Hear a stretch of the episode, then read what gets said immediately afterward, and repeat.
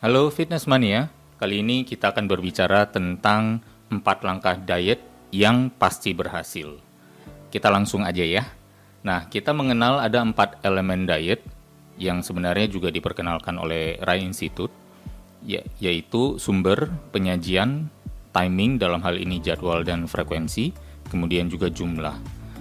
Keempat ini perlu kita konstruk, perlu kita atur sedemikian rupa agar menghasilkan apa?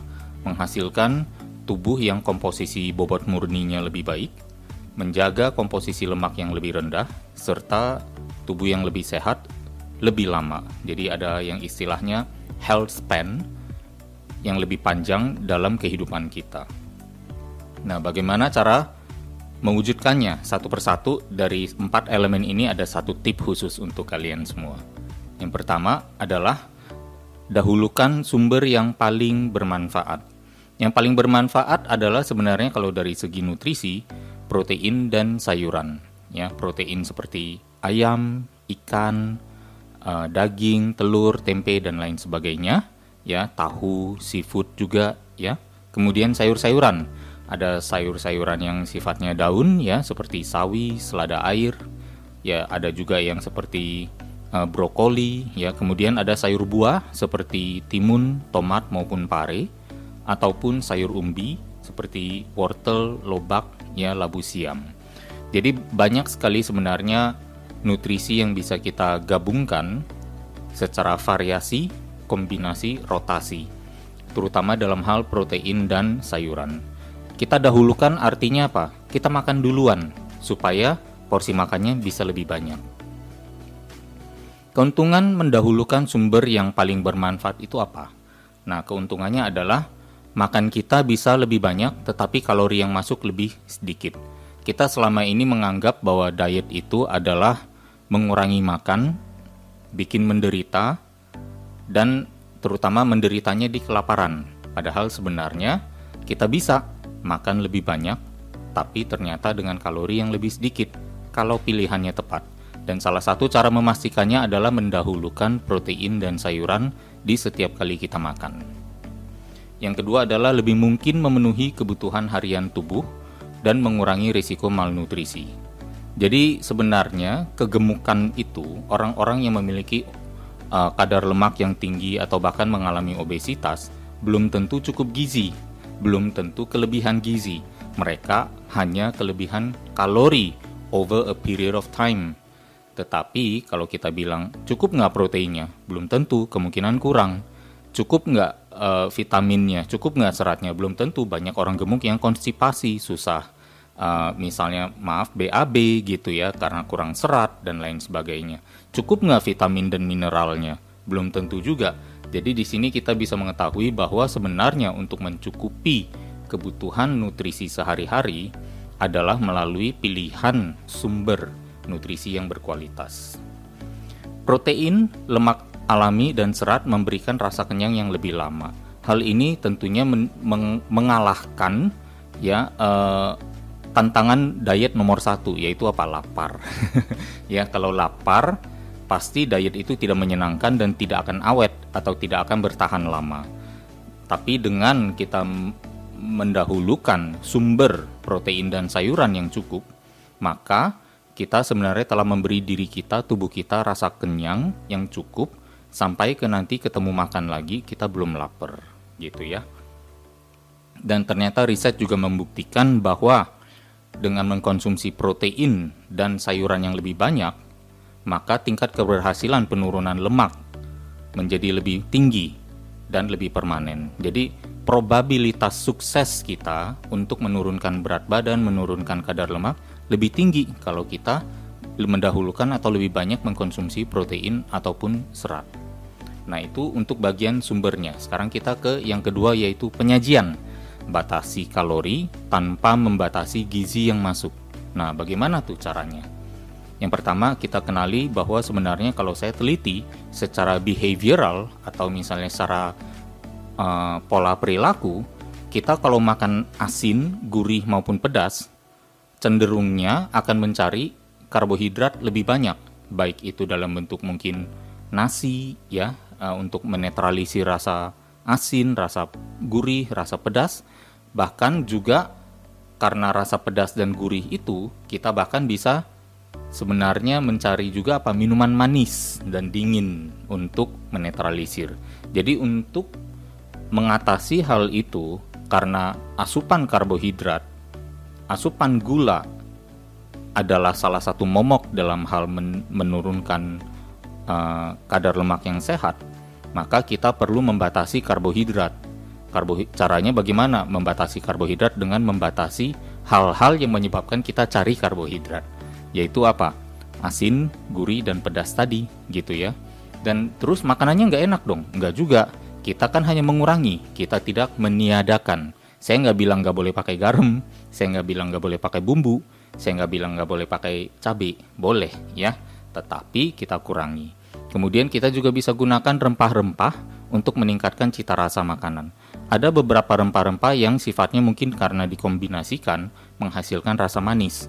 Ada yang dikombinasikan lagi menghasilkan rasa uh, gurih ataupun asin. Contohnya misalnya lengkuas, ya lengkuas atau bahkan cengkeh dan uh, kayu manis mungkin mengarahnya ke rasa yang lebih manis. Tetapi kalau kita misalnya mencari yang lebih asin, mungkin kita cari misalnya bumbu-bumbu lain seperti mungkin ketumbar dan lain sebagainya. Lalu kita juga bisa meminimalisir penggunaan tambahan kalori yang rendah kandungan gizi.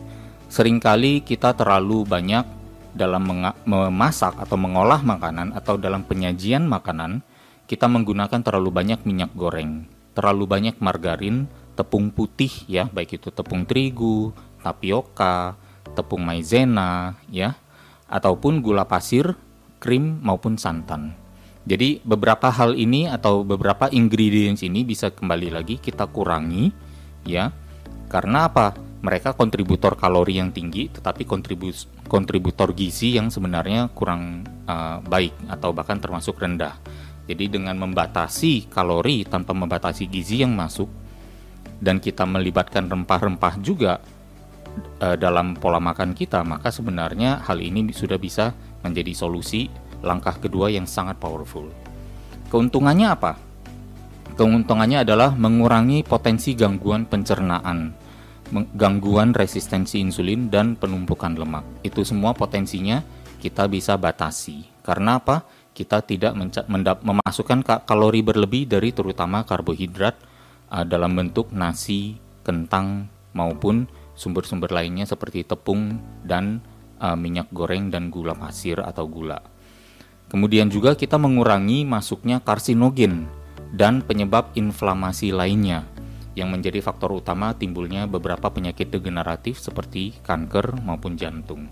Jadi kita sebenarnya dengan melakukan hal tersebut, saya sekarang sebenarnya sedang menyajikan the why ya, mengapa kita perlu perlu melakukan langkah kedua tadi. Sekarang langkah ketiga yaitu perpendek lingkup jam makan. Lingkup dalam hal ini adalah sebenarnya jendela makan ya. Kalau misalnya sebelum di pola kebiasaan hidup lama yang membuat kita gemuk adalah kita lingkup jam makannya 16 jam, lalu selama tidur ya tentunya kita tidak mengunyah ya. Lingkup jam uh, tidak makannya 8 jam karena sehari 24, 16 jam makan, 24 jam gak makan gitu ya.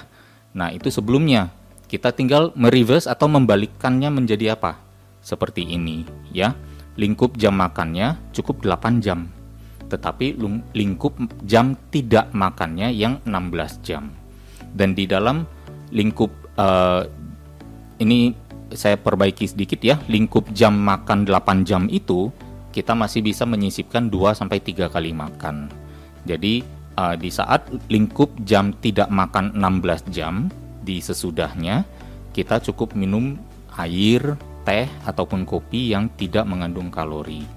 Nah, dengan memperpendek lingkup jam makan, kita bisa lebih berpeluang untuk membatasi kalori yang masuk. Jadi keuntungannya apa memperpendek lingkup jam makan ini? Berpotensi makan lebih sedikit, mencegah berlebih, dan juga lebih mudah meraih kalori defisit. Dan yang kedua adalah membantu tubuh memproduksi hormon awet muda alami yang namanya growth hormone. Nah, bisa dibayangkan dengan kita mereverse saja uh, jadwal makan kita dari biasa 16 jam makan 8 jam uh, tidak makan ke 16 jam tidak makan 8 jam makan maka kita sudah membuat satu mekanisme untuk menggaransi diproduksinya hormon anti-aging, hormon awet muda bagi diri kita sendiri dan membantu meningkatkan sensitivitas sel terhadap insulin dan mengurangi resistensi insulin. Nah, ini juga penting karena apa? Diabetes juga merupakan salah satu penyakit yang menempati ranking penderita terbanyak di Indonesia dan angkanya diproyeksikan meningkat di 2030.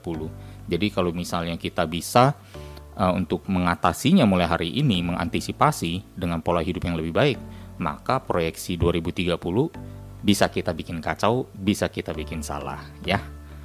Kemudian juga berpotensi meraih kondisi yang namanya autofagi. Nah, autofagi sendiri sudah saya jelaskan cukup banyak panjang lebar di episode uh, YouTube video saya yang sebelumnya. Jadi bisa dicek di sana nantinya. Langkah keempat adalah memperbaiki porsi makanan di piring. Nah, porsi makan lama seperti yang kita lihat ya, yang di kiri, yaitu dulunya nasinya setengah piring, sayurnya mungkin lumayan ya, kemudian ada lauk sedikit. Kemudian sekarang kita beralih ke pola makan yang baru, ukuran piringnya sama, tetapi lauknya yang sekarang mendominasi setengah piring. Kemudian sayurnya yang lebih kurang masih sama dengan dulu, ya dipastikan porsi sayur masih lebih besar daripada porsi nasi dan buah. Dan ini pun kita bisa seperti yang tadi, dahulukan protein dan serat kan, lauk dan sayur. Nah, lauk dan sayur, protein dan sayur tadi kita makan dahulukan berarti apa? Urutan makannya satu dua tuh. Nah, kita bisa melihat di layar satu dan dua adalah lauk dan sayur. Setelah lauk dan sayurnya termakan paling banyak, sisa sedikit kita baru tanya, karbonya nasinya mau disentuh nggak ya? Gitu. Dengan menanyakan hal seperti itu, kita menanyakan mau makan karbo di saat perut kita sudah mulai cukup kenyang, sehingga kita juga cukup rasional dalam mempertimbangkan apakah saya mau makan uh, nasinya gitu karbohidrat gitu ya. Jadi uh, ini menjadi salah satu uh, trik untuk membuat kita makan menjadi lebih sehat ya. Kemudian juga dengan uh, kita juga bisa dengan contoh kita rasionalnya seperti apa. Kalau hari ini saya olahraganya berat saya masuk uh, nasi deh boleh tapi hari ini kita bilang hari ini saya off olahraga, kayaknya nasi nggak nggak nggak perlu deh. Saya banyakin aja deh protein dan sayur lagi, boleh juga. Akhirnya nanti itulah salah satu cara yang cukup ampuh untuk kita cut karbo uh, yang lebih sehat. Karena apa? Ada nutrisi lain yang menggantikan dan nutrisi yang menggantikan itu lebih bergizi juga. Jadi keuntungannya apa kalau kita memperbaiki porsi makan di piring? Yang pertama pasti lebih minim makan secara emosional atau lebih minim kesempatan kita untuk bertemu makan yang waktu kalap. Ya, kalau kalap yang kita cari pasti bukan pilihan sehat. Yang kita cari adalah makanan-makanan favorit kita yang sebenarnya tidak menyehatkan gitu. Jadi kita bisa mencegah hal itu terjadi karena uh, kita memiliki satu prioritas yang lebih baik atau lebih benar. Yang kedua adalah saat lapar, kita mengkonsumsi makanan yang lebih bermanfaat untuk kesehatan tubuh kita. Sekali lagi, protein dan sayuran adalah kelompok sayur uh, kelompok nutrisi atau kelompok makanan yang bergizi tinggi yang paling dibutuhkan tubuh dan itulah di saat lapar kita berikan paling banyak. Bukankah ini salah satu uh, matching yang paling bagus? Yang paling dibutuhkan kita dahulukan.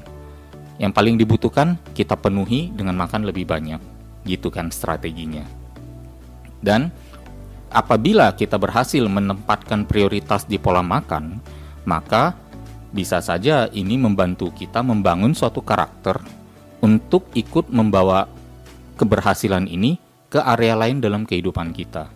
Bukankah ini akan membantu kita juga di hidup yang lebih sehat, tapi ternyata karena terbangun kebiasaan-kebiasaan yang baik, maka kita juga akan terdorong, termotivasi untuk melakukannya di berbagai aspek kehidupan kita, mungkin di karir ya atau mungkin di bidang-bidang yang lain. Jadi demikian empat langkah pasti untuk bisa berhasil dalam diet. Terima kasih sudah menyimak, semoga bermanfaat. Kita ketemu lagi di episode video yang lainnya.